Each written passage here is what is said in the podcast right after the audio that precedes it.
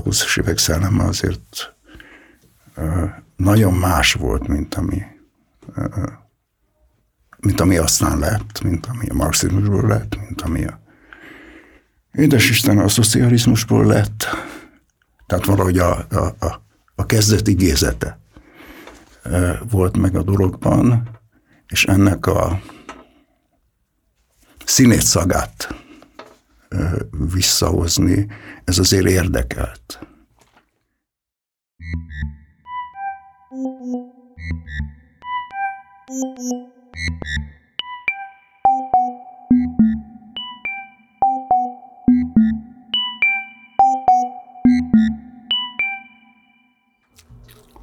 Sok szeretettel köszöntjük kedves hallgatóinkat, ez a Partizán különkiadása, és Ipos Balázs vagyok.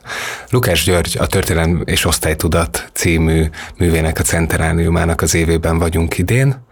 A könyv újra megjelent a gondolatkiadónak a gondozásában. Ennek alkalmából fogok beszélgetni most Forcek Ákossal és Mesterházi Miklóssal, két filozófia történésszel, akik a, az új kiadásnak az előszavát írták. Legelőször, mielőtt belekezdenénk Lukács művének a boncolgatásába, arra szeretnélek kérni titeket, hogy mint egy bemutatkozásképpen mondjatok pár szót arról, hogy ti mikor találkoztatok először ezzel a művel, és egyáltalán Lukács életművével, és miért foglalkoztok vele, vagy mit gondoltok arról, hogy miért érdemes vele foglalkozni ma? Hát akkor megszólalok én először. Annyiban korrigálnálak, hogy én nem régóta foglalkozom Lukáccsal, vagy legalábbis Miklóssal összevetve ez egy nagyon rövid idő, mindössze, nem tudom, néhány éve. Um, és a kérdésről, hogy hogyan találkoztam Dukács életművével, nálam ez viszonylag um, annyiban érdekes, hogy talán a generációmra jellemző úttal kicsit szembe megy, ugyanis én előbb olvastam az ontológiát, vagy legalábbis az ontológiának a Prolegomena című, a magyar kiadásban harmadik kötetként megjelent um, könyvét, mint, mint a történelmi osztálytudatot, és azt hiszem, hogy ez egyébként inkább egy nálamnál régebbi vagy korábbi generációra jellemző belépési pont a Lukácsi életműbe. Um, viszonylag véletlenszerűen alakult ez, um, nem tudom már rekonstruálni, de uh, tényleg véletlenszerűen kaptam le a polcról a prolegomenát, és emlékszem arra, hogy végtelenül élveztem, ami megint csak kicsit szembe megy azzal, amit manapság szokás az ontológiáról gondolni, mert ezt szokás egy elfuserált és hallatlan unalmas műnek tekinteni. Én egyszerűen letehetetlen izgalmas könyvnek tartom. Mitől, és, mitől tartod annak?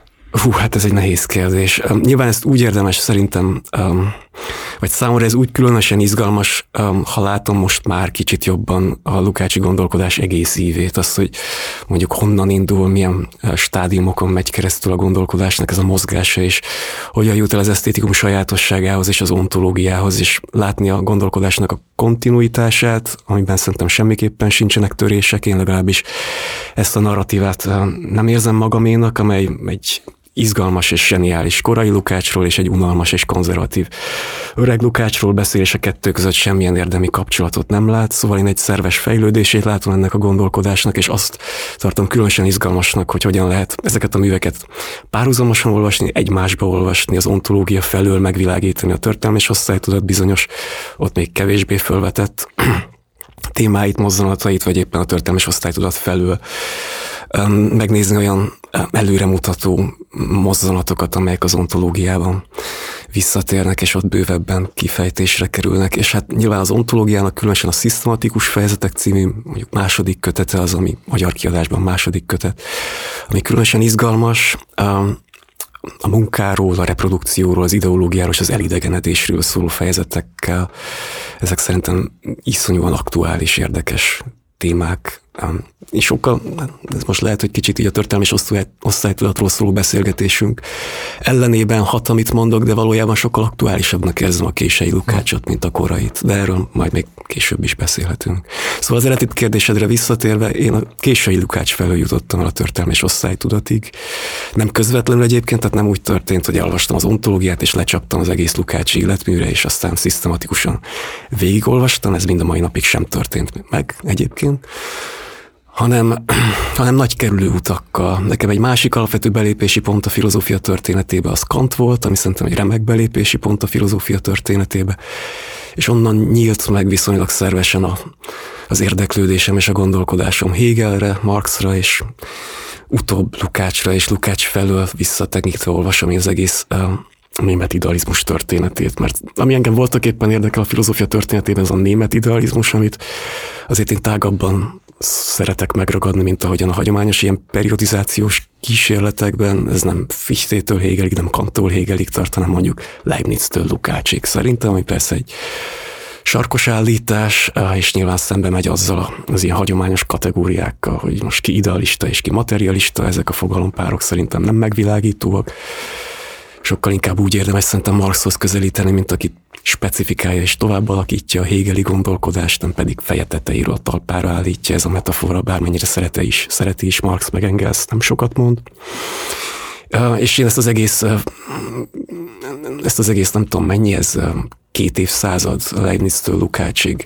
Ezt az egész évet szeretem a maga kontinuitásában vizsgálni, és nyilván ez egy, ez egy véget nem érő történet, hogy minél alaposabban lássam ezeket az összefüggéseket, de de azért egyre inkább kirajzolódnak ezek az összefüggések, és magának a gondolkodás mozgásának a, a folytonossága. És, és igen, tehát bocsánat, és lezárom most már ezt a hosszúra nyúló mondókámat. Alapvetően a német idealizmus az, ami engem szenvedélyesen érdekel, és ebből az érdeklődésből nő ki a Lukács iránti megkülönböztetett érdeklődés nálam.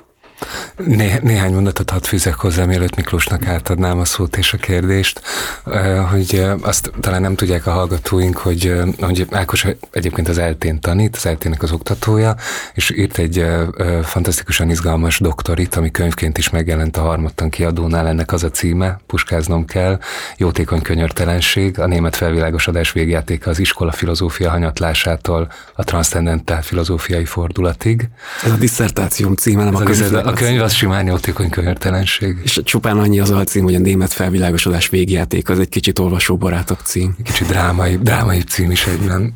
Ezt ezt most csak pont, pont az, viszont azért jött kapóra ez a hosszú cím, mert ebből értető, hogy tényleg egy nagyon speciális néző, nézőpontból nézel rá erre a, tulajdonképpen a modern filozófia aranykorára, vagy szubstanciájára, erre a, a diszertációdban csak mondjuk, nem tudom, 70 év, száz év van feltárva, nem az egész 200 éves történet, de ugyanakkor az, hogy, hogy azt mondod, hogy, hogy Lukácsnak az életműve nem is csak a történelmi osztálytudatig, hanem a kései Lukács ontológiáig a számodra ennek a Leibniz-től induló folyamatnak a, a, a szerves része, vagy talán a lezárása, egyelőre a lezárása, az egy olyan, az egy olyan megközelítés, ami szerintem párját ritkítja Magyarországon mindenképpen, hogy ezt, ezeket a folyamatokat ugyan, aki a, a témának a szakértője, az valamennyire egyben látja, de egyben ezeket egyben tárgyaló munkák nem nagyon születtek az elmúlt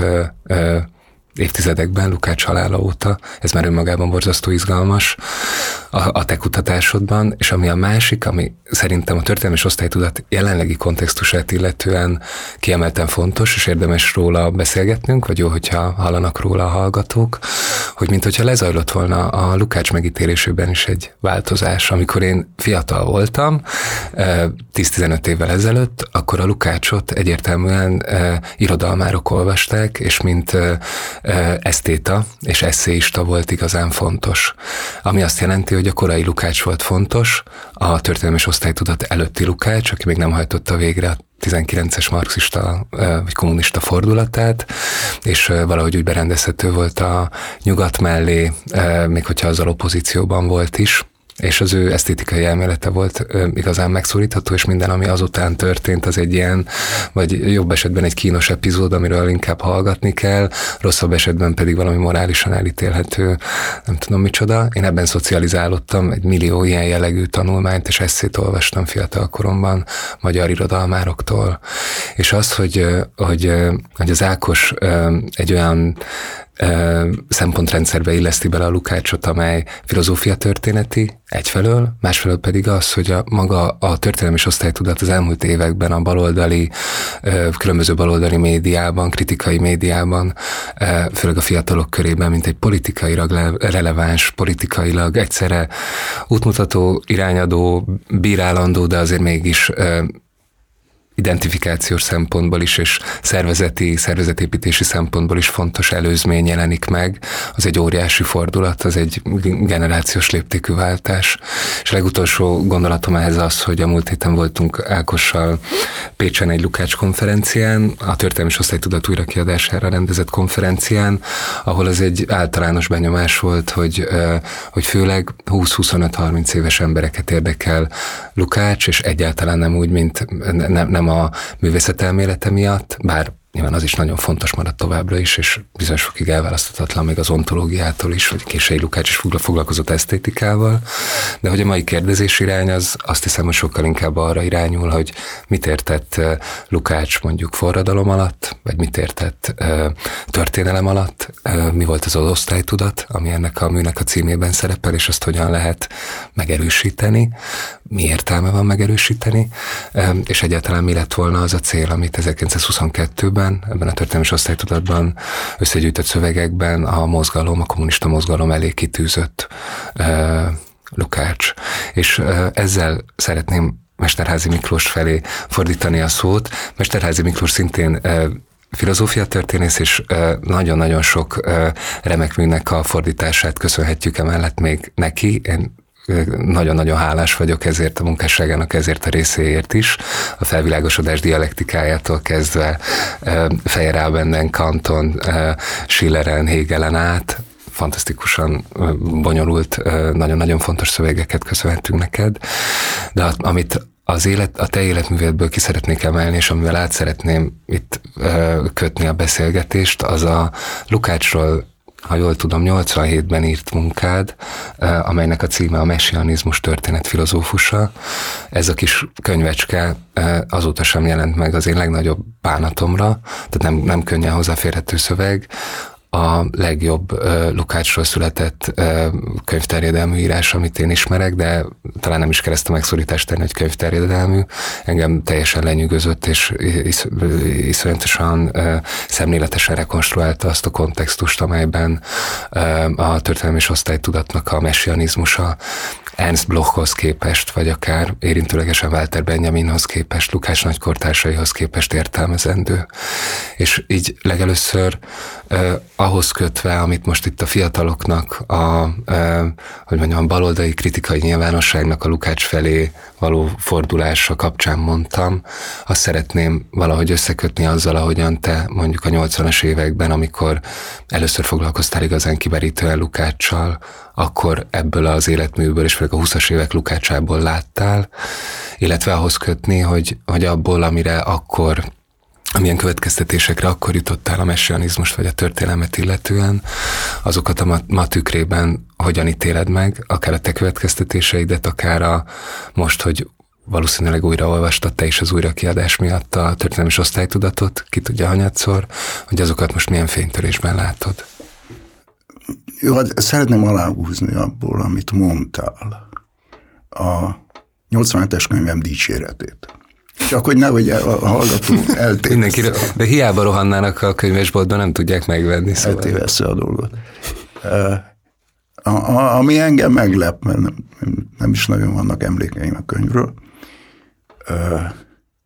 és akkor elsütöm a második viccet is, tulajdonképpen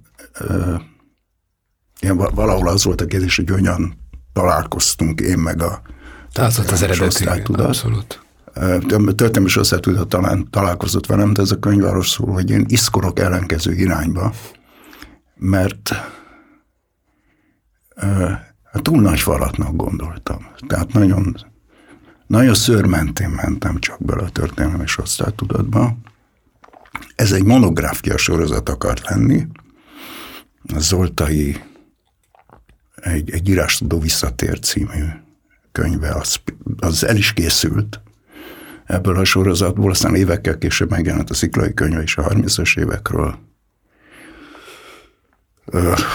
valamit írt a Lendvai is a fiatal Lukácsról, de az már talán csak olyan tíz éve, nyolc éve jelent meg. És volt ez 84-ben, a Lukács századik évfordulójáról készült volna egy ilyen ö, kis monográfia sorozat. És én akkor Lukács Áriumban dolgoztam, és valamelyest a 20-as évek írásaival foglalkoztam, illetve össz, azt, már akkor talán nagyjából összeraktam a 19-es 18-19-es írásoknak a kötetét. Úgyhogy ez valahogy rámosztódott. Na most bevallom, csak most, amikor ezen a beszélgetésen elgondolkodtam, világosodtam meg, hogy azért, mert nem akart senki írni róla. A 20-as évek Lukácsáról. A 20-as évek Lukácsáról. Ezek nagy ágyuk voltak, tehát Lendvai lett volna, Sziklai 30-as évekről szóltai, Almási az ontológiáról. Én ebben a kakuk tojás voltam. És úgy gondoltam, hogy jó, én ezt megcsinálom, érdekel is. Aztán majd a történelmes osztálytudatról ír valamelyik nagy ágyú, úgy Isten igazából. Ö, és az, hogy erre nem vállalkozik senki, az föl sem merült bennem. De ez csak a, hogy mondjam, ez a hülyeségem története. Isten inkább legyen szó Lukácsról, mint rólam. Ezt nem vettem észre. De az igenis nagyon fontos kérdés, hogy miért tartottak ettől. A... Nem tudom, nem tudom, én akkor ezt, ebből semmit nem vettem észre, vagy nem igaz, nem vettem észre.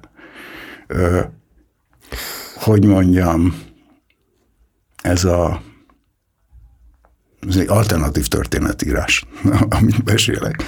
E, tulajdonképpen akkor már azt mondjuk 84-ben a Lukács tanítványok elmentek. A tanítványok tanítványainak egy része e, fél illegalitásba vonult. E, de ugyanakkor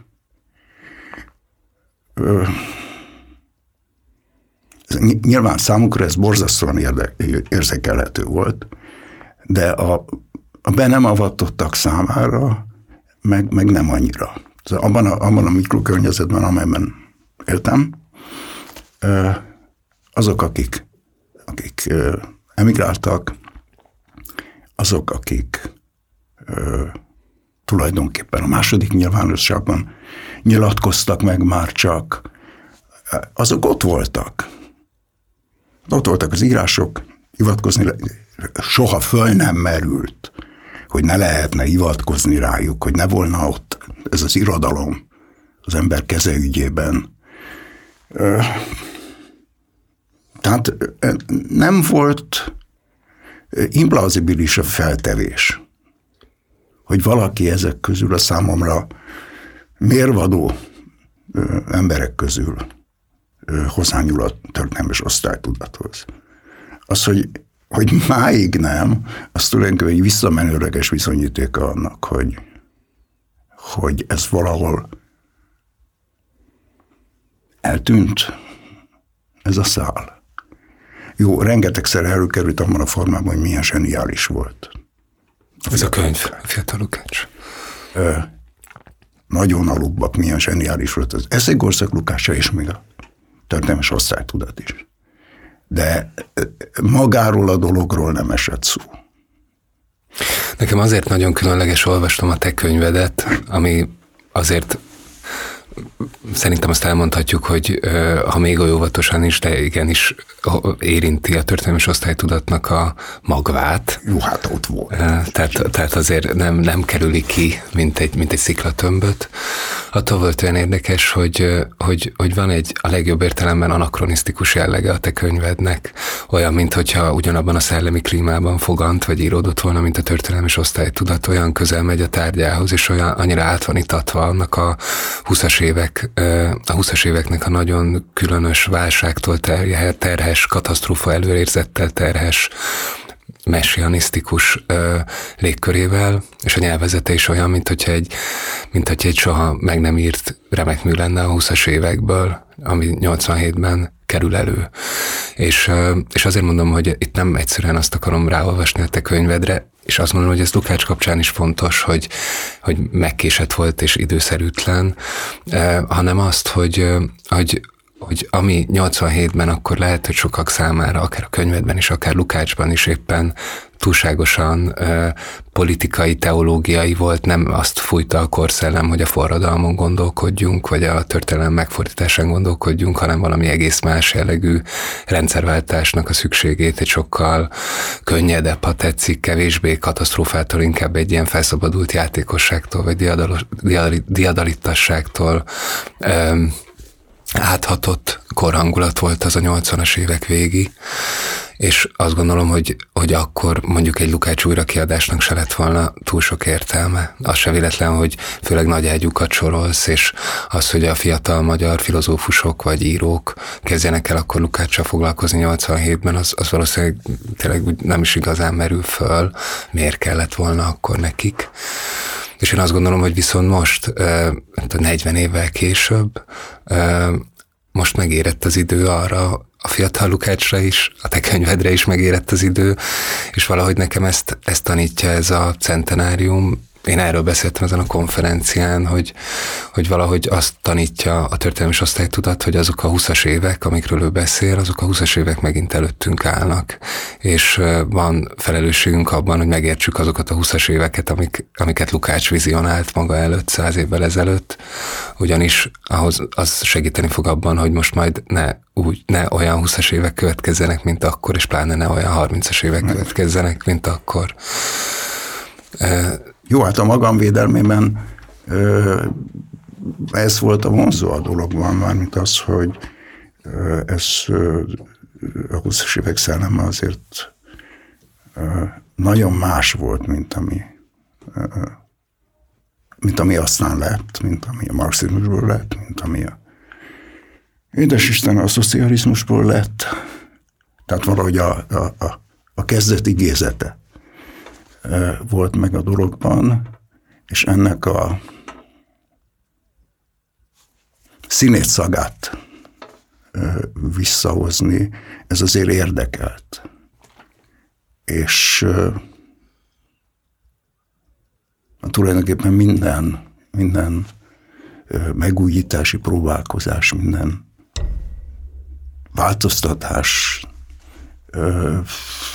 vissza-vissza szokott nyúlni a kezdeteknek ehhez a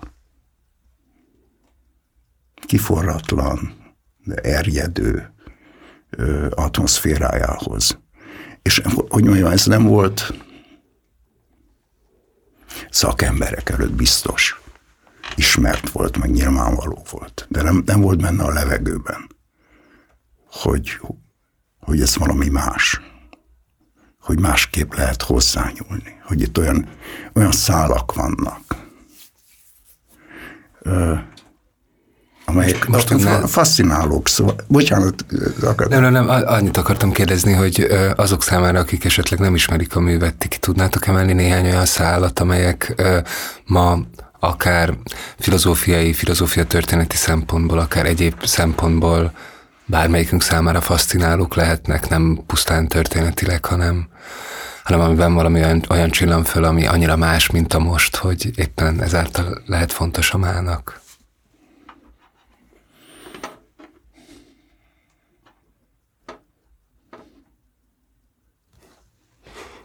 Közben megtöröm a csendet akkor. Um, nyilván azért filozófia történeti érdeklődéssel fordulok ez a műhöz, amivel nem azt akarom mondani, hogy nem vagyok személyesen érintett, ellenkezőleg, de hogy um, engem, ami igazán lenyűgöz a történelmi osztálytudatban, és igazából nektek én erről már sokat beszéltem, úgyhogy számotokra ez unalmas is lesz, az magának a módszernek a kérdése, a dialektikus módszer a dialektikus totalitás szemlélet kérdésköre, amit a történelmi osztálytudat valamennyi eszében újra és újra visszatérő módon fejteget, és igyekszik megvilágítani Lukács, ami egyszer mind alkalmat kínál arra is, hogy az ember eltöprengjen magának a dialektikus gondolkodásnak, a dialektikájáról, arról, hogy tényleg Ilyen különös ez a Hegeli örökség a, a marxizmus egész történetében. Ugye én azon olvasója vagyok Marxnak, vagy azok, azon olvasói közé tartozok, akik, akik rendkívül szervesen Hegeliánus gondolkodónak látják Marxot, és nem csak az ifjú Marxot, hanem az úgynevezett érett Marxot is. Nyilván számos dokumentum is bizonyítja azt, hogy Marx a Grundrisse ideje alatt is a nagy logikát olvasta, meg a 60-as évek első felében a kis logikát jegyzetelte ki, erről is vannak dokumentumok, szóval, hogy sohasem szakított Hegel, ezért számomra ez nem kérdés, hogy, hogy Marx egy Hegeliános gondolkodó, és a marxi életművet um, afelől kell megközelíteni, vagy úgy érdemes olvasni, amit bármit is jelentsen, ez a dialektika kulcsszava ír le.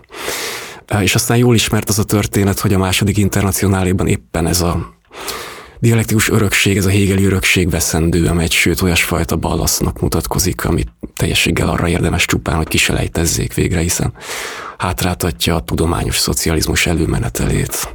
Ugye, és aztán jön az első világháború, Lenin beül Bernben a könyvtárba 14-15-ben, és leveszi a polcról a nagy logikát. Lukács megírja a történelmes osztálytudatot 23-ban, ugyanakkor Kálkors szintén 23-ban a marxizmus és filozófiát, és ismét valahogy visszakerül a Hegeli örökség a marxizmus történetébe, eddig soha nem tapasztalt intenzitással. És aztán um, ehhez, ehhez lenne egy ö, furcsa keresztkérdésem, hogy a mai magyar baloldalon legyen az kulturális, tevékenykedjen a kulturális szférában, a médiában, vagy akár az akadémián, Visszatérő kérdés az, hogy mi a viszonyunk Marxal. Tehát a Partizánban is föl lehet vetni azt a kérdést, hogy vajon a Partizán maga marxista-e, vagy mit akar ez, a, ez, hogy marxista a Partizán. Azt viszont én még soha életemben nem hallottam megkérdezni a magyar nyilvánosságnak ezekben a szegmentumaiban, hogy Hegel János-e az ember, vagy a szervezet, vagy a csoport, vagy az iskola, amelynek a tagja. Nyilván az még egy, egy ilyen nem tudom, úgynevezett kultúrharcos perspektívából is érdekes lenne, hogyha, hogyha nem lehetne ezeket a baloldali kritikai mozgalmakat egyszerűen elintézni azzal, hogy áh, ilyen marxisták, hanem mondjuk egy jobboldali, jobboldali megbélyegzőnek azzal is számot kéne vetnie, hogy nem egyszerűen marxisták, hanem még hegeliánosok is. Hogy ezt a, ezt a vonatkozást, ezt te hogyan hogyan világítanád meg egy laikusnak a számára, hogy miben más az, hogyha mi nem pusztán marxisták vagyunk, hanem hegeliánus módon a dialektikát is el akarjuk sajátítani? Ez burkoltan az a kérdés, hogy szerinted miért segítene a jelenünknek a megértésében akár a dialektikus módszer? Akár ahogy a Lukás gyakorolja? Ezek azért kőkemény kérdések, nem könnyű kapásból improvizálni rájuk. Azt azért még mielőtt belemennék a válaszba, talán abban a reményben is, hogy sikerül megkerülni, hozzáfűzném a, a, az előbbi mondandómhoz, hogy, és ugye, tehát a, a, a 20-as években meg induló újabb ilyen hegeliánus marxista hagyományvonal szintén kifullad a 70-es években Lukács halála után, mondjuk lehetne szimbolikus záró mozzanat a Lukács halála ennek a periódusnak, amikben a marxizmusban ismét eleven örökség a Hegeli. Um, a demarxizálódás 70-es éveiben nyilván Hegel és Marx is mindenestől leselejteződik, vagy érdektelenné válik hosszabb időre, de hogy talán éppen mintha azt látnánk, és talán akkor mégiscsak vissza tudok kapcsolódni a kérdésedhez, hogy ezek az évek, vagy ez az évtized, vagy mit tudom én, hogyan is ragadjuk meg ezt, talán mégiscsak a, a Hegel iránti megújuló érdeklődésnek az évtizede is, és Marxot is, mintha inkább úgy illene olvasni manapság, vagy úgy érdekesebb olvasni manapság, hogy a Hegeli örökséggel számot vetünk. Én legalábbis ezt érzem abban a mikrokörnyezetben, amelyben mozgok tanárként, hogy érdeklik a diákokat a Hegel órák, és érdeklik az olyan Marx órák, amelyekben intenzíven tárgyaljuk a Hegeli örökséget Marx gondolkodásában, és érdekli Lukács őket, eh, akinek a hegeliánus nyelvét nem lehetne fölismerni. Eh, szóval, mintha, mintha ismét egy olyan, nem tudom, újabb hulláma lenne most a, a marxizmus örökségével foglalatoskodásnak, amelyben, amelyben, amelyben Hegel és a velóló számvetés ismét fontos, vagy megkerülhetetlen. Um, és nyilván ez mindig valahogy összefügg egyáltalán azzal a kérdéssel is, hogy filozófia a marxizmus, vagy mi köze van a marxizmusnak a filozófiához? Ez is egy vissza-visszatérő kérdés. Nem véletlen, hogy Kors 23-ban marxizmus és filozófia címmel írja az igen jelentős, sokat emlegetett eszét, amiben pont azt taglalja, hogy a második internacionál idejében egész evidensnek tűnik az, hogy a marxizmus nem a filozófiai ábrándozás, hanem szigorú értelemben vett tudomány, itt egészen különböző dolgokról van szó, és a marxizmusban az, ami filozófia, az éppenséggel az érdektelen, leselejtezendő. És ezzel szemben, ha, hadd állítsam szembe a Lukácsnak az álláspontját itt a történelmi osztálytudatban, nekem ugyan egy évben jelennek meg ezek a könyvek, és most az óraolvasásnál pont az tűnt föl, hogy Lukács ennél sokkal radikálisabbat állít, azt mondja, hogy a, a valamire való politikai cselekvés, ami nem lehet más, mint az osztálytudatosság elősegítése és a forradalom, az maga egy filozófiai aktus. Maga a, a felszabadulás, ha tetszik, az maga egy uh, annyira filozófiai aktus, hogy azt teljesíti be a német idealizmusnak a programját. Tehát így feltéve, és ennyire radikálisan megválaszolva azt a minket máig gyötrő kérdést, hogy na most akkor praktikus kérdésekkel foglalkozzunk-e, vagy elméleti kérdésekkel, vagy mit jelent ez a, ez a nehéz, marx, súlyos marxi örökség, hogy eddig magyaráztuk a világot, most meg kell változtatni azt. Erre azt mondja Lukács, hogy, hogy természetesen meg kell változtatni a világot, de az egy gondolati, ha tetszik, mentális a belátással, a totalitás szemléletének a belátásával megy végbe.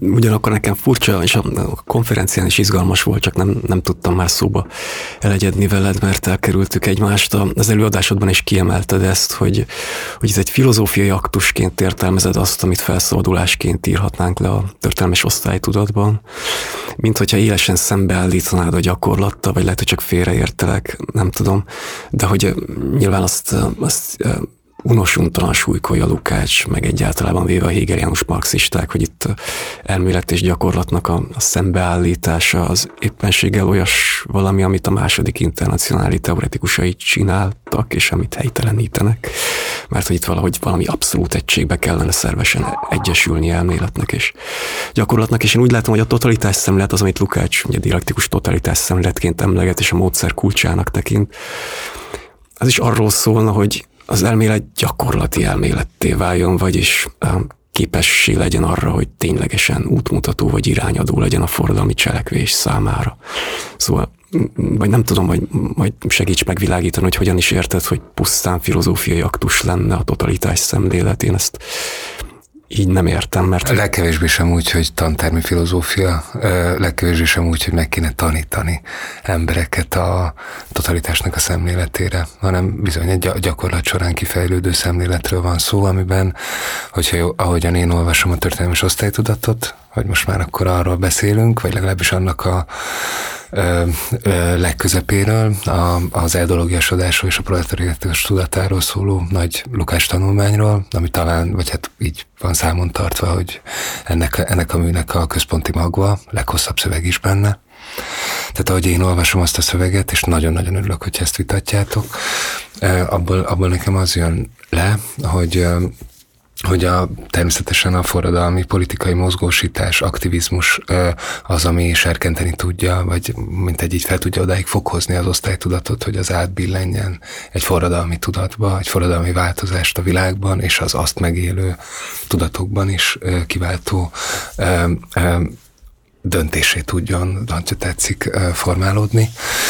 De hogy és hogy, és hogy ebben ennek a történelmi osztálytudatnak a másik, talán a leg, legterheltebb szövegében a, a, a szervezeti kérdések a Módszertani megjegyzések a szervezeti. Módszertani megjegyzések a szervezeti kérdéshez című a párt, miben lé, létét teoretizáló szövegben a Lukács kifejti. Ebben viszont kulcs feladata hárul a pártra, szintén nagyon gyakorlati szinten.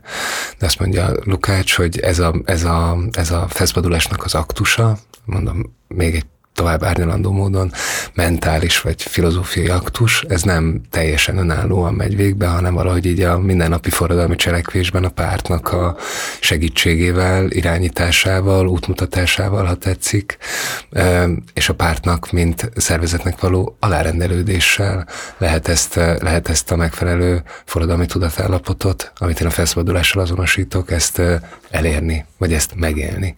Ebben tényleg nagyon meglehetősen kevés szerepe van annak, hogy pártiskolákban tanítsák az embert megfelel, felszabadulni, vagy hogy mondjam, ezt a filozófiai cselekvést végrehajtani az teljesen nyilvánvaló, viszont számomra, hogy a történelmi osztálytudat Lukácsa, az még nem arról beszél, hogy, hogy majd, hogyha a hétköznapokban jól végezzük a dolgunkat, rendesen elvégezzük a munkánkat, és helyes elvek szerint irányítjuk az életünket, akkor azzal felszabadulnánk. Azt mondja, hogy a proletár az jobb pozícióban van ahhoz, hogy felszabadulhasson, mert dolgozó emberként ismeri, a, a, tud arról, hogy a világ megváltoztatható, de hogy ki kell lépnie ebből a mindennapi tudatállapotából, és a mindennapi te, tevékenységéből is ki kell lépnie, és egy forradalmi cselekvés mintázatot kell elsajátítani, egy forradalmi módon kell élnie, hogyha tetszik, ahhoz, hogy ezt a, ezt a mentális váltást végre tudja hajtani, ezt az átbukást a forradalmi tudatba. Én, én így én így értem a dolgot. Igen, csak azt nem értem egy pillanatban még, hogy ezt miért nevezed meg egyszerűen filozófiai aktusként. Azért nevezem meg filozófiai aktusként, mert ez, és nekem ez is lenyűgözően izgalmas ebben a, ebben a nagy Lukács tanulmányban, mert maga a Lukács visszavezeti a német, vagy kimutatja a, a német idealizmusról, hogy már annak is a tett a legnagyobb kérdése. Hogyan lehetséges önálló, autonóm, szuverén aktus, olyan szabad aktus, ami az énnek a szabad tette.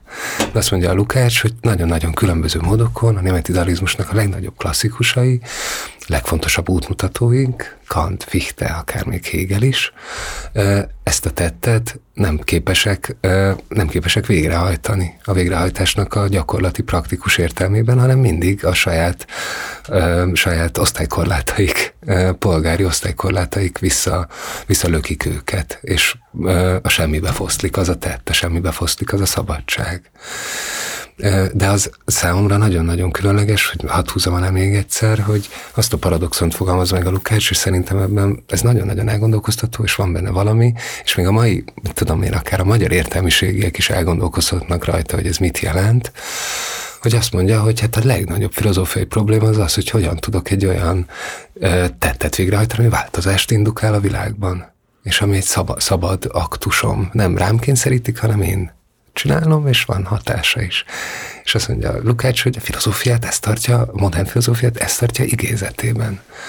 És ez az, amit nem tudnak viszont megoldani, hanem jönnie kell egy új figurának, a proletariátusnak, aki majd végrehajtja ezt a tettet, amiről a fikték álmodoztak. Jó, ez így, ez, ez, ez így világosabb számomra, csak akkor mm, mégiscsak a tett filozófiájáról beszélünk, nem? Most kicsit így Mózeshez szövegére is visszautalva, és az, hogy a filozóf, hogy filozófiai aktus, a felszabadulás, ez kicsit ilyen alul determinált megfogalmazás számomra, de igazából ez teljesen mindegy. Csak most már így értem, amit mondasz, vagy jobban értem, persze. Most közben, közben volt a politikai gazdaságtan kritikája. Szóval az a házi feladat, hogy, hogy megtalálni a fennállónak azt a gyenge pontját, amelyiket, hogyha, hogyha néven nevezel, akkor mint amikor Isten nevét kivették a gólem szájából, akkor az összeomlik. Tehát, hogy az elméletnek magának van meg az a mozzanata, hogy a fölismerés, az ezt a fajta szilárdságot, amelyik nélkül egy társadalom nem működhet, azt a magától értetődésséget, amivel létezünk benne.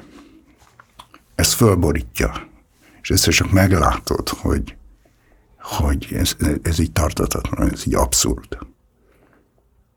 Ö, és ez az, amikor a, a tudat belép, tehát nem, nem hogy mondjam, forradalmi tudat, nem az, hogy az ember reggel föl kell az ágyából, és rettenetes sok fekvőtámasz végez, hogy, hogy forradalmi legyen a tudat, hogy kellően izmosan lépjen a, az osztályarc mezeire. Helytálljon a barikádokon. Ez hanem, hogy, hogy látni azt a, azt az összefüggést, amelyik életben tartja azt a vackot, amivel mindenki érzi, hogy valamiféle problémája van, ha érzi, és a problémája van. Hogy a szkeptikus is szóhoz is De nem tudja megnevezni, de működteti, vagyis működteti. Mondhatjuk azt is, hogy mi is működtetjük. Igen, működtetjük, persze.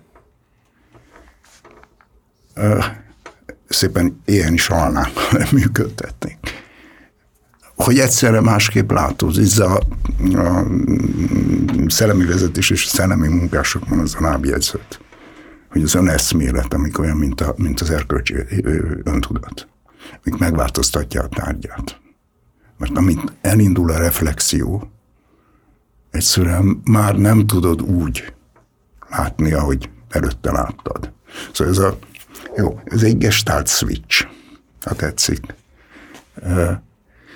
Ez elméleti munka, és nem, nem egyszerű. És nem is feltétlenül, hogy mondjam, nem, nem is feltétlenül olyasmi, ami, ami tetszés szerint, amire projektet lehet alapozni. Tehát meg, ezt meg ezt fogom vizsgálni, a végén elérkezem ehhez a maghoz. Megtalálom azt a pontot. Megtalálom. Még talán ki is billentem. És, igen. Szóval, hanem, hanem hogy ez valahol előkerül, és valaki megfejti a, a szellemi fejlődés nem, nem, nem előre meg nem jósolható logikája szerint.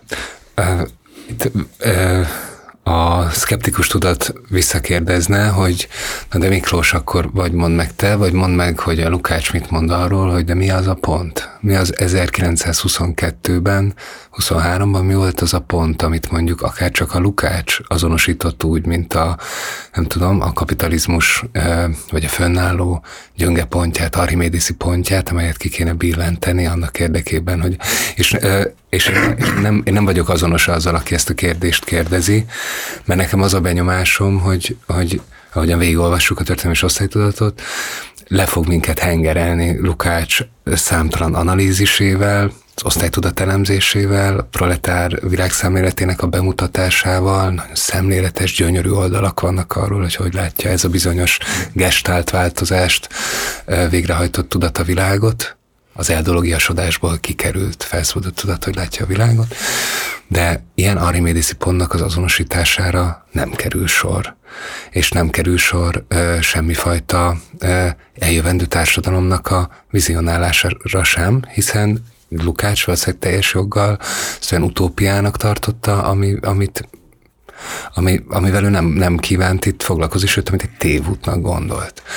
És akkor, hogyha ez így van, akkor azt kérdezném vissza, hogy, hogy én egyetértek veled abban, hogy meg kell találni ezt a bizonyos pontot, de nem tudjuk, hogy ez mi meg esetleges, hogy sikerül-e, de hogy nem az van-e nagyon sokszor ebben a szövegben, a Lukács ekkori forradalom elméletében, hogy, a, a, hogy itt igazából a, az ellenálló kollektívához való kapcsolódás, az az együttlét, az, ami, az, ami e, tulajdonképpen bátorságot ad, és, e, és e, katartikussá teszi a fennállóval való ellenáll, szembeszegülést, szembekerülést, és nem pedig az, hogy én otthon, vagy nem otthon, teljesen mindegy, hogy hol, kimutattam, hogy a kapitalizmusnak melyik pontját kell ütni, és akkor az össze fog omlani.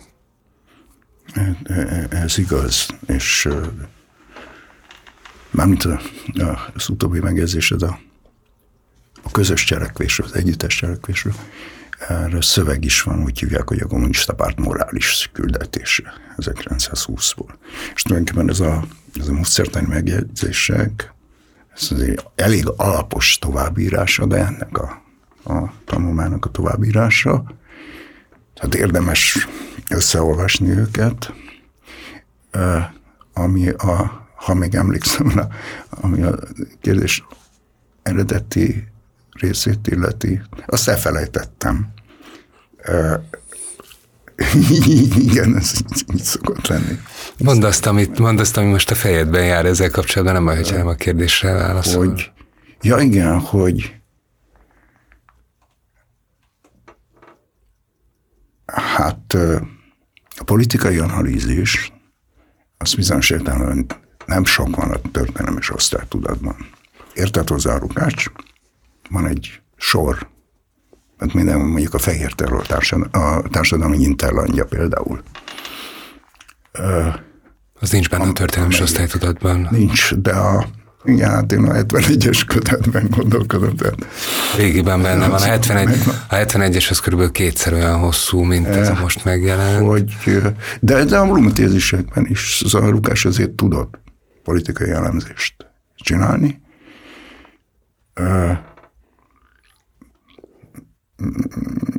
Sok mindent elszúrt benne, de most teljesen mindegy. De van egy általános szituáció, amire ráíródik a történelmes osztálytól, és nem kell magyarázni. Már úgy értem a akkori olvasónak. Az, hogy evidensnek tűnik, hogy szocializmus vagy barbárság. Ott szagolták négy évig a lövészárkot. Nem Kere, ne, ne, nehéz volt jobb érvet keresni ennél amellett, hogy valahol ez, ami, ami fönnáll, az, az tragédiába torkolik. Ö, jó, aztán kiderült, hogy együtt lehet élni vele. Hogy egyre kellemesebben lehet együtt élni vele. Jó, az, volt egy kis intermezzó, amelyet egy bajuszos ember okozott, de a mai képzetünk szerint ilyen bajuszos emberek rontották el a dolgot, az egyiknek nagy bajusza volt, a másiknak csak egy kicsi az orra alatt, de egyébként minden rendben van.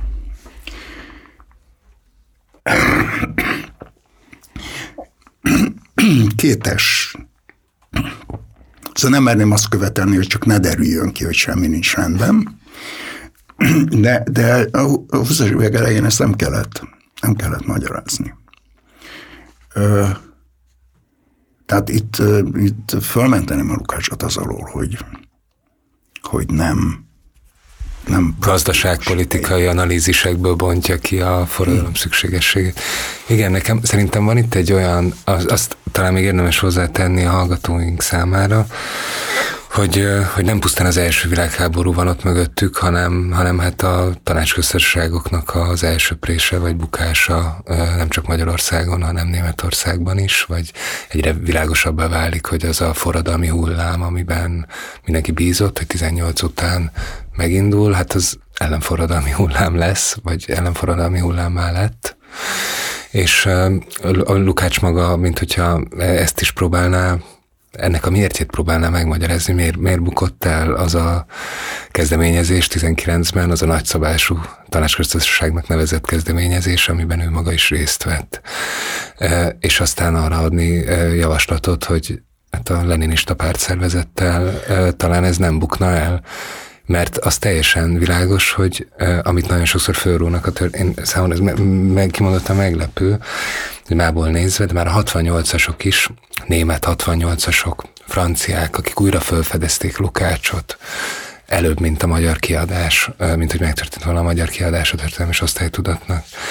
Állandóan visszatérő problémájuk volt 68-ban, hogy minden szuper, eldologiasodás, hát ma is ebben élünk, mindannyian, Döbor ebből kiindulva alkotja meg a, a spektakuláris tudat, a spektakularizált tudatnak a fogalmát, ez minden szuper, de hogy hát amit a leninista pártról mond a Lukács, hát az vállalatatlan, és hogy ez hogy jön össze, hogy ilyen remek elemzések a, a történelmi osztálytudat, és ez az egészet hazavágja az utolsó 120 oldalon azzal, hogy itt a Lenint javasolja nekünk.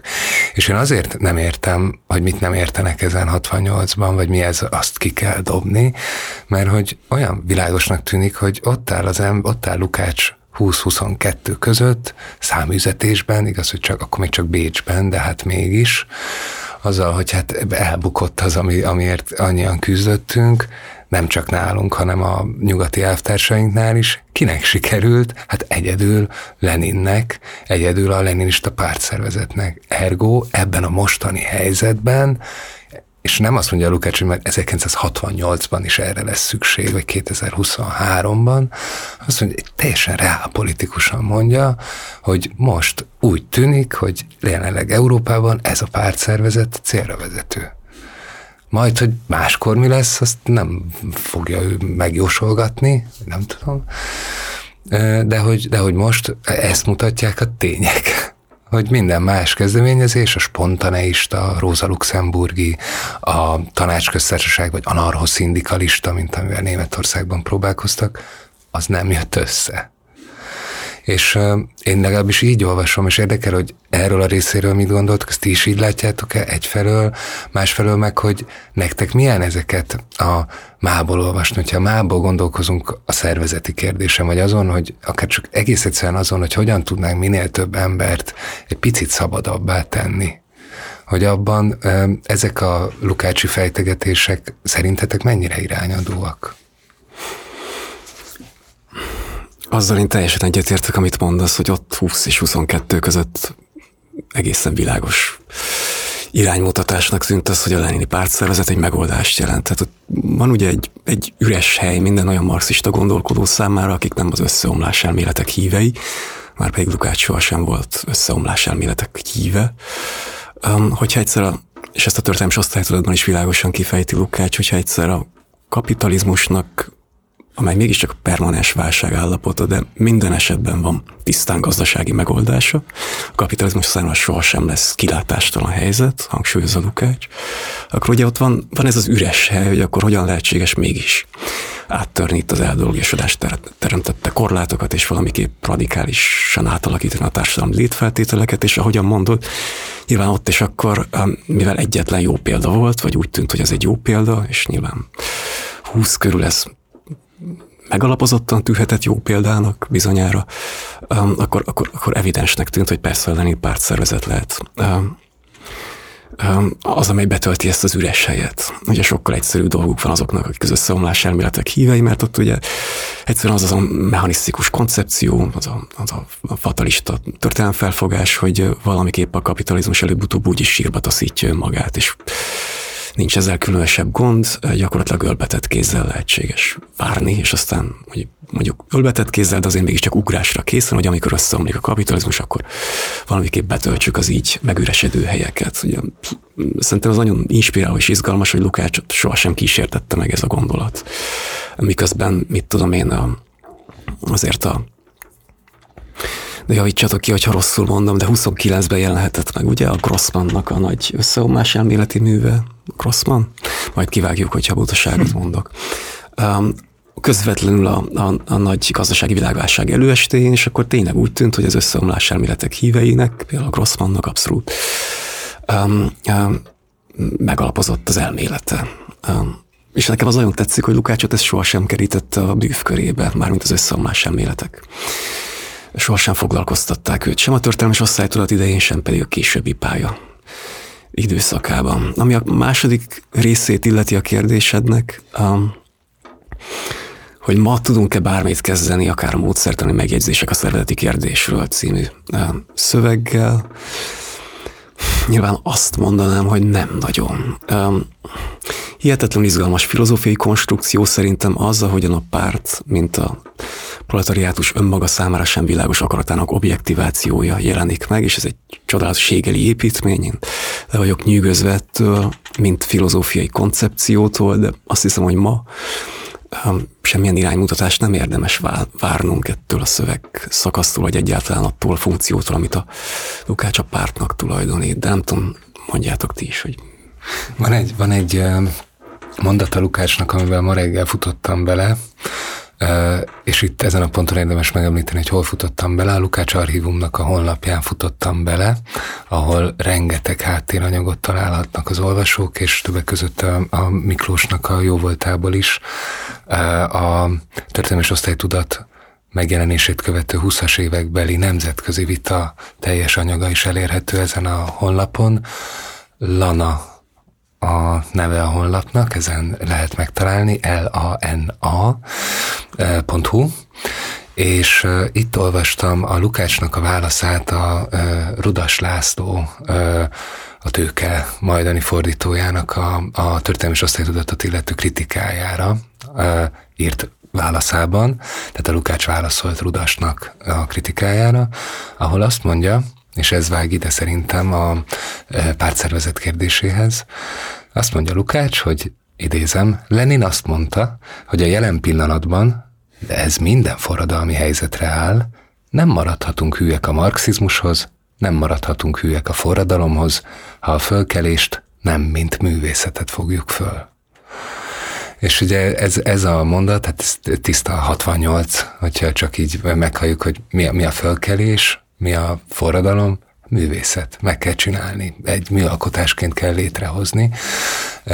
Ez, ezért döbbentett meg, hogy, hogy itt, és Lukásnak a szájából, vagy tollából az, hogy valamit ő művészetnek nevez, az a Lukács, aki előtte már, nem tudom, 3000 oldalnyi műkritikát írt, és az esztétika elméletét különböző művészeti ágakon dolgozta ki. Az ő szájából ez nem csak egy odavetett valami, hogy művészetként fogjuk föl ezt a, a, a forradalomcsinálást. És akkor így megint egy, egy fokkal megint izgalmasabb, árnyaltabb a kép, hogy, hogy nem egyszerűen annyi rebeg a Lukács szem előtt, hogy a Lenini párt az így ö, doktrinálisan megmondja, hogy ö, ki hogyan gondolkozzon, és hogyan éljen, és akkor onnantól kezdve ö, minden szabadabb lesz. Ugye ez a paradoxon, ezt fejti ki Lukács, olyan lenyűgözően érdekes a módszertani kérdések egyébként, mert hogy ezt a paradoxont fejti ki, hogy mindenkinek alá kell vetnie a szabadságát a pártnak, annak érdekében, hogy felszabaduljon. De hogy, de hogy ez nem úgy van elgondolva, mint ahogyan aztán nem tudom, a 60-as, 70-es évek ilyen esti egyetemein megvalósították, meg egyébként nem tudom, létező szocializmusban, hanem valami ennél egy ilyen kollektívebb művészeti cselekvés, ha tetszik, a, a párt irányításával valami ilyesmi derengít föl. Ezért nagyon meglepett ez az idézet, és nagyon, nagyon tetszett nekem. És, és egy kicsit jobban megmagyarázza, hogy na de hogy tudtak mégis kapcsolódni hozzá 68-ban nekem. De, de Miklós szájából kivettem a szót, vagy elvettem előle, a, hogy, hogy ugyanezt, amit, a, amit az Ákostól próbáltam kérdezni, ezt te hogyan látod, hogy ö, ö, hogy, hogy a szabadság, egy icipici szabadságot ö, ma Lukács segítségével hogyan tudnánk kivívni magunknak, vagy egymásnak. De természetesen Ákos is nyugodtan. Vagy a Lenini pártot nem ajánlana. De, és nem is csak a, hát illetve a következmények miatt, de hát az egész, a, a, hogy mondjam, amit Lukás védelmében el lehetne mondani, hogy azért ott szerepelnek biztosítékok, pontosabban olyan dolgok, amelyek számára akkor maguktól értetődőek voltak. Tehát például a tisztségek rotációja, vagy az, hogy, az alulról, hogy a kritika ez egy magától értetődő vonása a párt belső életének, mert hogy és azok részéről, akik, akik alul vannak, tehát a, a, legénység, akik a hajó gyomrában vannak, mert hogy ők viszik vására az életüket. Mert hát ez az egész azért egy illegális pártra van tulajdonképpen méretezve. Hát nem, nem, az te ennél kortársibb nem is lehetne. És, de az, hogy ez, szóval az szól a dolog ellen, hogy milyen gyengének bizonyultak ezek a, ezek a védőfalak. Már hogy ez, ez minden alkalommal előkerült, amikor valamilyen kritikai szél fut a kommunista pártokban, és hát a szárukon hervadtak el ezek a kezdeményezések. Már a kritikák. A, a kritikák meg az, az egész ötlet, hogy valami ez, valamivel, valamit le lehetne kezdeni mondjuk a tisztségek rotációja. Volt ez, csak édes Isten.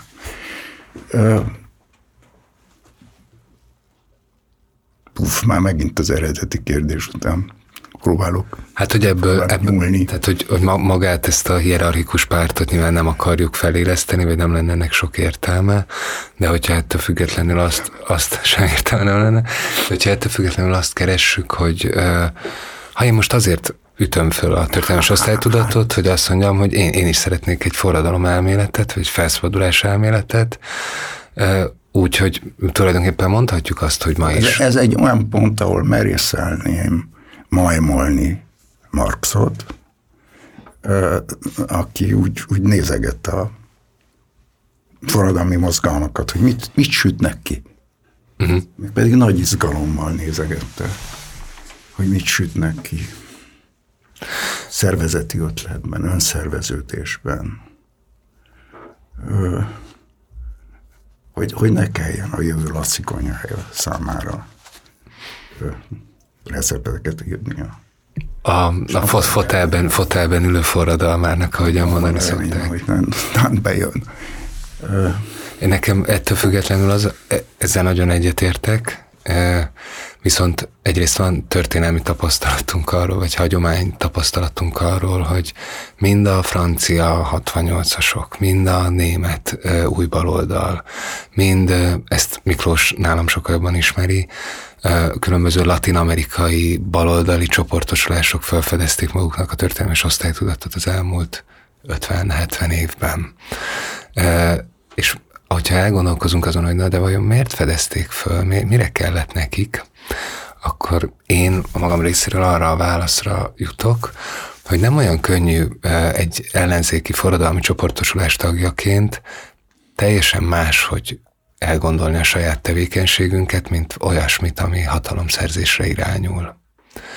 És szerintem az egyik legcsodálatosabb erénye ennek a lenyűgöző, zavaros, apokaliptikus műnek, a történelmi osztálytudatnak az az, hogy, hogy végig távol tartja magától a legnagyobb kísértést, hogy azt jelölik ki feladatul, hogy, hogy együtt fogjunk össze és taszítsuk le a mostani uralkodókat, és aztán kezdjünk mi magunk uralkodni.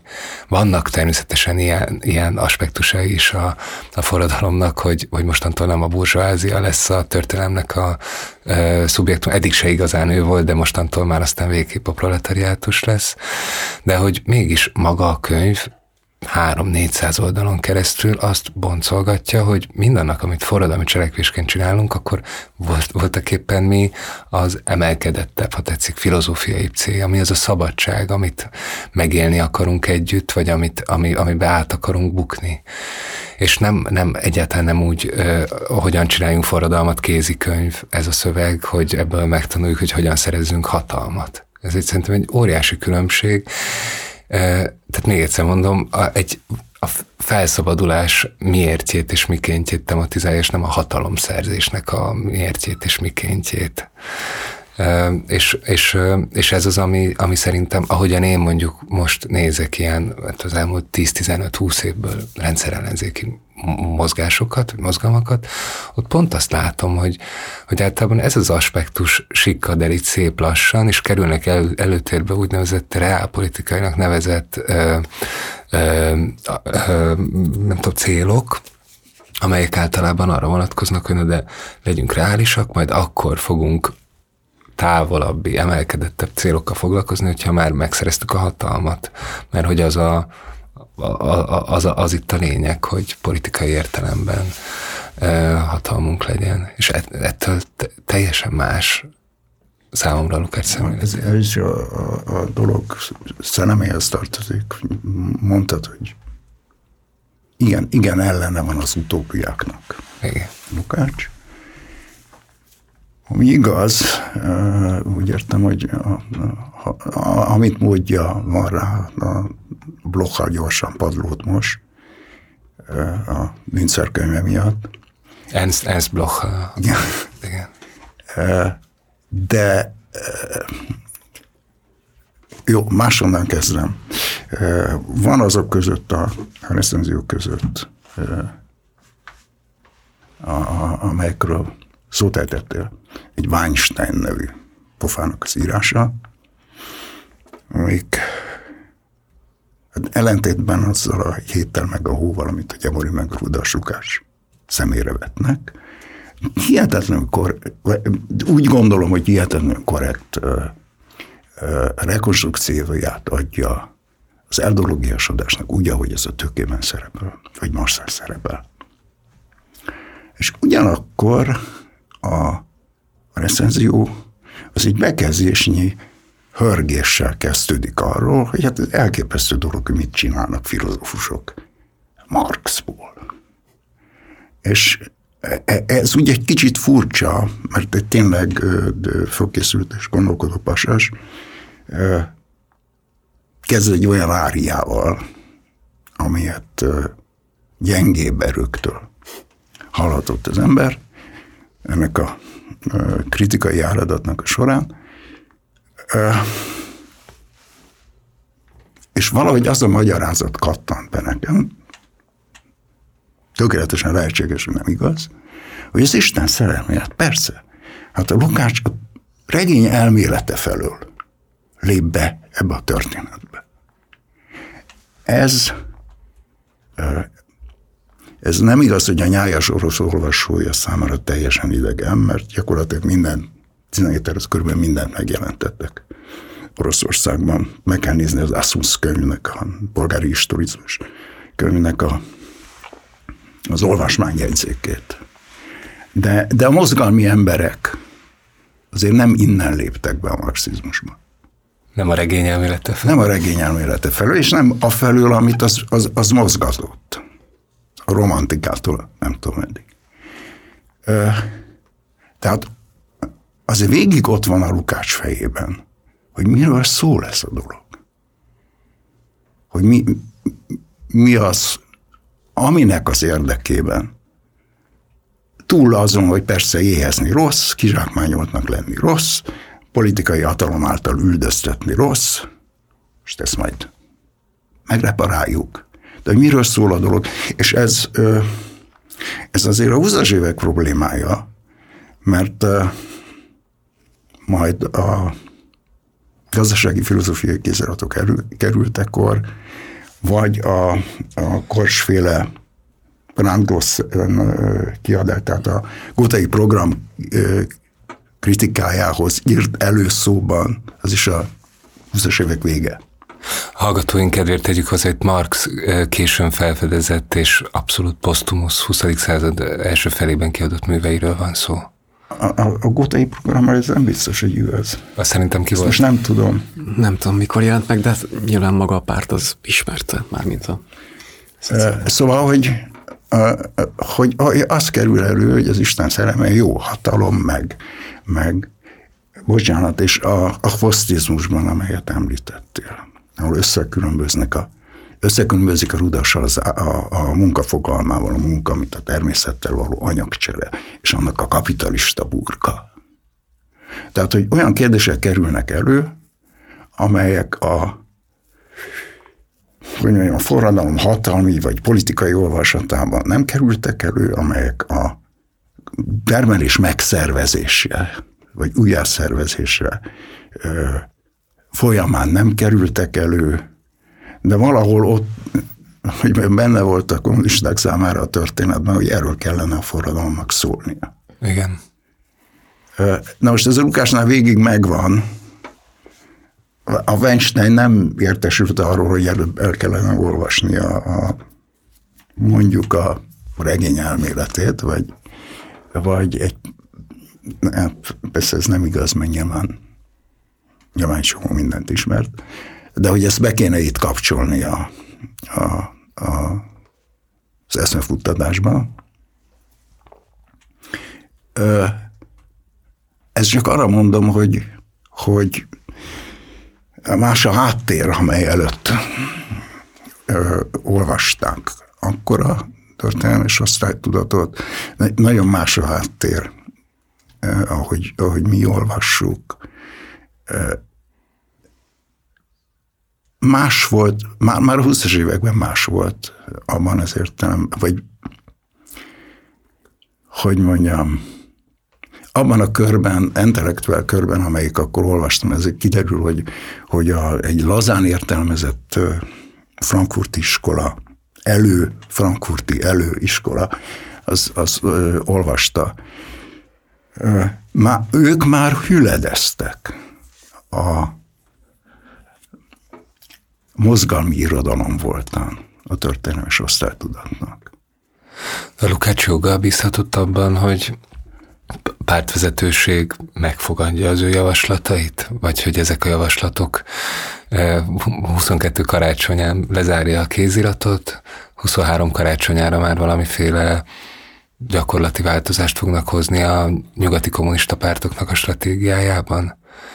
Mert itt, hogyha jól értem, arról a változásról beszélsz, amit ugye itt a nyugati marxizmus nagy tragédiájaként szoktak leírni, a 20. század nagyon fontos folyamatát, ahol a párt ért, egykori értelmiségei, a marxisták elváltak a pártszervezettől, elváltak a munkásmozgalomtól is fokozatosan, nagyon banálisan bekerültek egyetemekre, kutatóintézetekbe, és eh, ahogyan mi magunk is gondolkodunk a Lukácsról, konferenciázunk a Lukácsról, de nem célzunk vele semmilyen valóságosan létező mozgalmat a javaslatainkkal.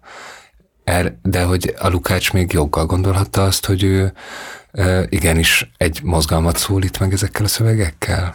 Hát tekintettel arra, hogy maradt a kommunista pártban, azt kell mondanom, hogy ő úgy gondolta, hogy igen.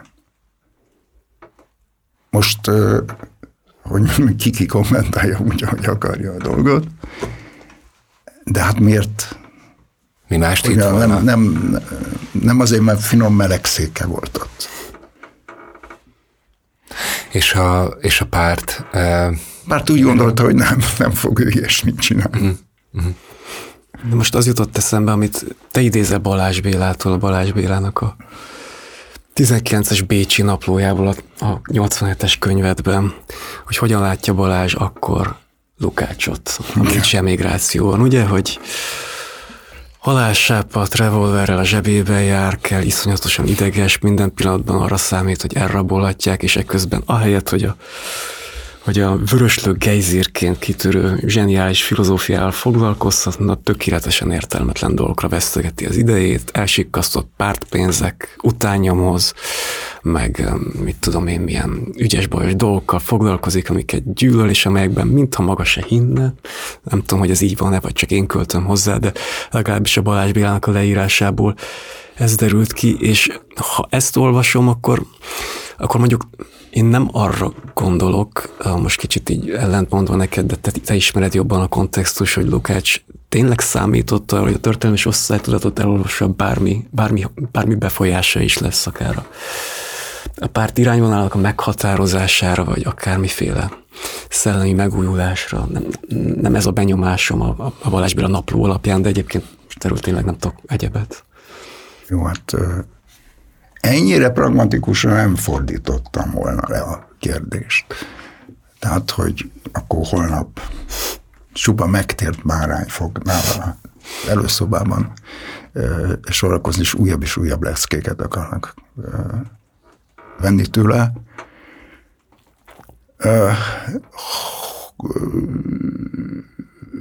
De hát valamit reméltettől a mozgalomtól, csak erre akartam kiukadni. Van mindegy, van egy a módszertani megjegyzésekből kimenő magyarázatom is, de mindegy. Az, hogy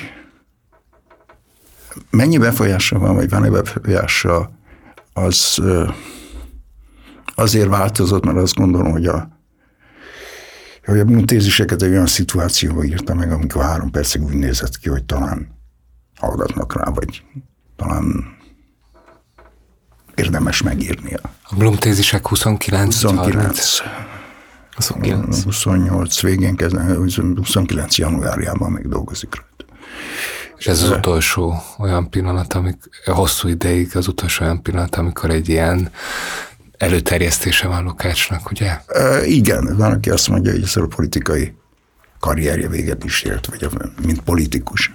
Hát talán ő maga mondja ezt valahol, valamelyik kezdeményezésében. Hogy... Azért 45-ben is úgy azzal tér vissza, hogy, hogy labdával rúghat. Rugás volt is, nem labdával, belé, minden. És hogy ott de jó, ezt hagyjuk, de mondjuk a 49-es udas cikkből Lukács ellen is derül, hogy elég markánsan eltért a pártvonaltól. Amit mai olvasó nehezen rekonstruál, mert, mert mintha, ha csak ugyanazt mondaná, de a, a Rudás, akinek volt Aki maga volt a pártvonal bizonyos, Jó, hát a Lukás azt írja, hogy a Rudas Richelieu módszerrel, vagy Richelieu Rudas módszerrel, igen. Bármely tíz sorból egy halálos ítélet indoklását elő lehet állítani, de jól érzékelte a Rudas a Lukás eltéréseit a vonaltól. Tehát voltak olyan pillanatok, amikor úgy nézett ki, hogy de, de én se gondolom, hogy a hittérítés célja, vagy ami a szüke pártközönségét illeti a hittérítés céljába írta volna, amit írt. Pont. De akkor tulajdonképpen, hogyha így látjátok mind a ketten, ez arra enged következtetni, hogy ez a szöveg száz év után, vagy száz év távlatából, akár a kommunista mozgalom, vagy a munkás mozgalom hiány is beszélni tud hozzánk, vagy beszélni tud azokhoz, akik a politikai cselekvésről gondolkodnak, hiszen nem voltak ennyire konkrét címzetjei. Bárki a címzetje lehet, aki, akit foglalkoztat az eldologiásodásnak a leküzdése, mondjuk így, és nem csak az, aki a 922-es kommunista pártoknak a, az aktuál politikai problémáin gondolkodik.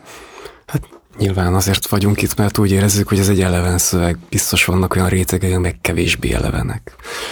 Az, amit mondjuk párt metafizikaként szokás emlegetni és megbélyegezni, az talán kevésbé eleven. De hogy mint a szabadságról való gondolkodás, és ilyen értelme a német idealizmus nagy szabadság filozófiának a sorába sorolnám én ezt a szöveget, és egyáltalán Lukácsi életművet is Persze az, hogy szabadság filozófia nem sokat mondtam, de mégis maradjon ez a címszó.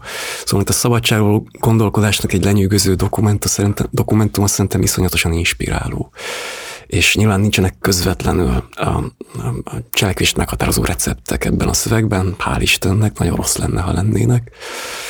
Um, de hát nyilván, aki a szabadságról gondolkodik, hát azt megváltoztat, megmutatja magát is a szabadságról való gondolkodás, nem? Tehát a szabadságról gondolkodunk, akkor az nem hagy érintetlenül bennünket, és aki mondjuk a szabadságnak olyan fogalma mellett köteleződik el mondjuk pusztán intellektuális érdeklődésektől vezérelve, amelyek ezen a Hegeli, Maxi, Hég, Lukácsi tradíció helyezkednek el, vagy ebbe a vonalba illeszkednek, az óhatatlan a szabadság vágyában is olyan, tehát annak, annak óhatatlan a szabadság vágya és ezen a Hegeli Marxi Lukácsi tradíción fog kibontakozni és meghatározódni. Most ezt elég ügyetlenül fogalmaztam meg, de minden esetre csak annyit akartam kihozni belőle, hogy mint a szabadságról gondolkodás egy alapvető kulcsszövege a 20. század első felében szerintem iszonyatosan um, eleven, Persze. Ezért olvassuk, azt hiszem. Hadd húzzam ki a méregfogát egyébként a hozzátenni megjegyzéseknek, hogy képzeljünk el egy olyan nyelvet, nagyon rokon szemes nyelvet, amelyben nincs meg a fegyelem szó, pláne a pártfegyelem.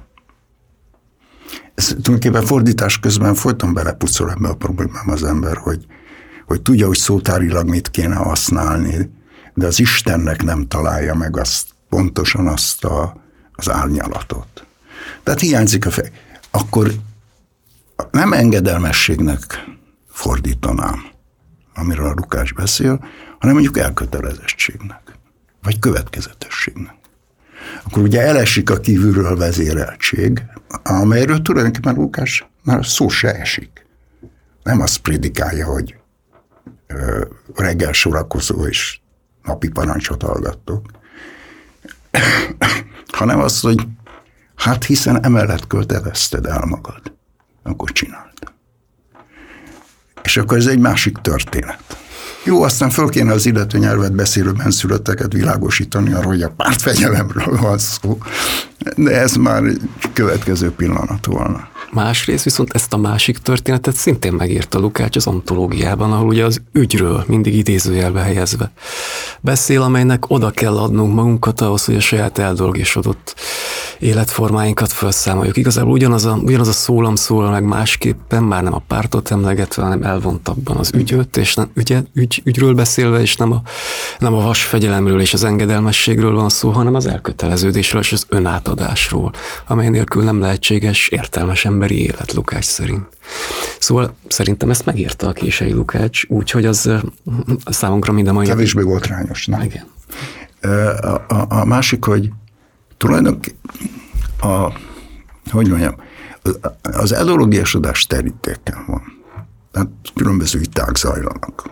Róla az utolsó menetben a, a, a Honet piszkálta föl a Axel Honet, aki tartott egy előadást, és is adták könyvben, azzal a címmel, hogy új, új pillantás egy poros fogalomra, egy régi fogalom, nem porost mondott,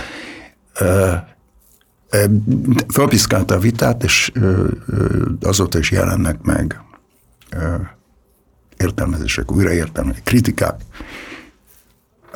De nem erre akartam kivukadni, hanem arra, hogy a, a, ez a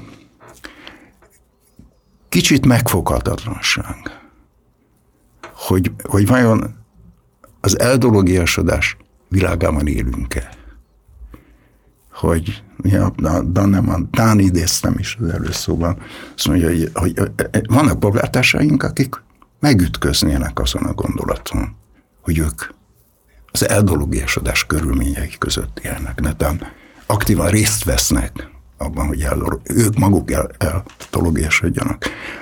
Ezt a kérdést mindenképpen ö, fölteszi a könyv, kinek-kinek is. Tehát abból a szempontból is, hogy változtass meg az életed. Most leegyszerűsítve, vagy megkönnyítve magamnak a fogalmazás fáradtságos munkáját. Tehát, hogy, hogy minek látjuk, hogyan látjuk azokat a körülményeket, amelyeket magától, maguktól értetődőek gondolunk, képzelünk.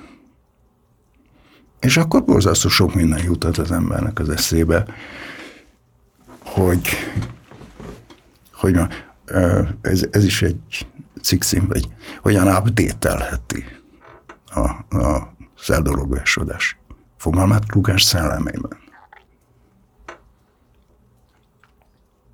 Kezdve attól a szólamtól, hogy beléptünk a, a holtik tanulás érájába. Meg, hát, hogy mondjam, szóval, hogy föllapozza az ember a, a politikai szótárunkat, akkor... Van, van potenciál, van hova vinni tovább. Ja. Értem. Akkor azt hiszem, hogy én most szeretném megköszönni nektek ezt a beszélgetést, Forcek Ákosnak és Mesterházi Miklósnak, Lukás György Történelmi és Osztálytudat című a gondolatkiadó jó voltából a század, kiad, eredeti megjelenésének századik centenáriumán újra kiadott könyv kapcsán, szabadságról és eldologiásodásról, forradalomról és ellenforradalomról. E, nagyon szépen köszönöm, hogy itt voltatok velünk. Mi köszönjük Mi is nagyon köszönjük. Én Sipos Balázs voltam, a Partizánnak is köszönjük a lehetőséget, hogy beszélgethettünk erről a könyvről, és mindenkinek javasoljuk, hogy rohanjon a könyvesboltokba, és eldologiasodott áruformájában vásárolja meg a könyvet, hogy aztán majd felszabadulhasson ő maga is, és Lukács gondolata is a jövő számára. Köszönjük szépen, sziasztok!